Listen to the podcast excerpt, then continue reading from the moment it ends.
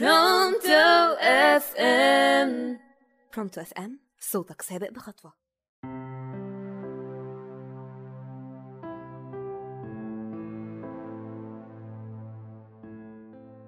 مساء الخير يا حبايبي.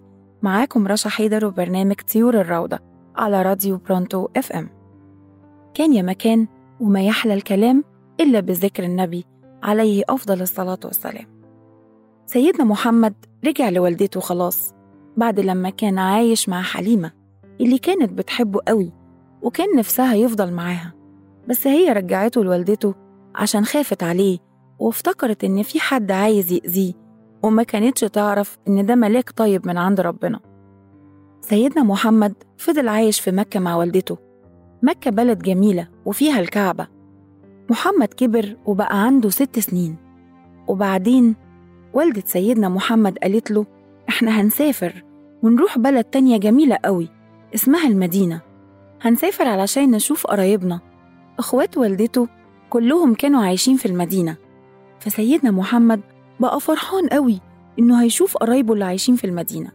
سافروا ووصلوا المدينة وقرايبهم كانوا فرحانين قوي بيهم وكانوا بيحبوه قوي.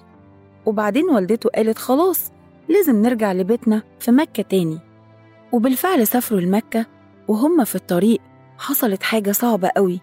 والدته تعبت جدا جدا واشتد عليها التعب وبعدين ماتت. وسيدنا محمد كان بيحب والدته قوي وزعل قوي وحس إنه وحيد. طفل صغير عنده ست سنين ما عندوش لا أب ولا أم بس ربنا مش هيسيبه وهيحفظه. وكان ساعتها معاه خادمة اسمها أم أيمن. اهتمت بيه لغاية لما وصلوا لمكة. وهناك كان مستنيه جده عبد المطلب وقال خلاص أنا ههتم بيه وهراعيه.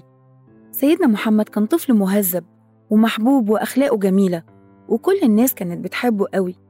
وجده كمان كان بيحبه جدا. وفضل سيدنا محمد عايش مع جده في رعايته واهتمامه لحد ما بقى عنده 8 سنين. وبعد كده جده مات وبقى لوحده تاني. بس قبل ما جده يموت قال لعمه أبو طالب خد بالك من سيدنا محمد واهتم بيه.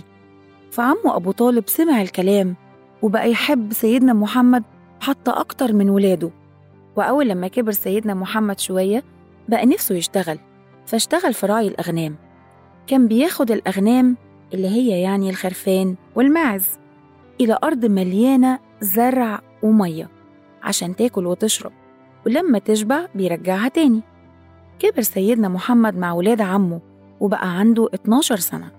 وبعدين في يوم من الأيام عمه أبو طالب قال أنا هسافر بلد بعيد اسمها الشام علشان التجارة.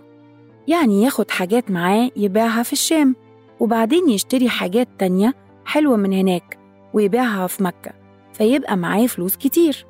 فسيدنا محمد قال له أنا نفسي أسافر معاك وعلشان عمه كان بيحبه قوي وما يقدرش يرفض له طلب قال له خلاص هتيجي معايا ومش هسيبك ولا تسيبني تاني أبدا.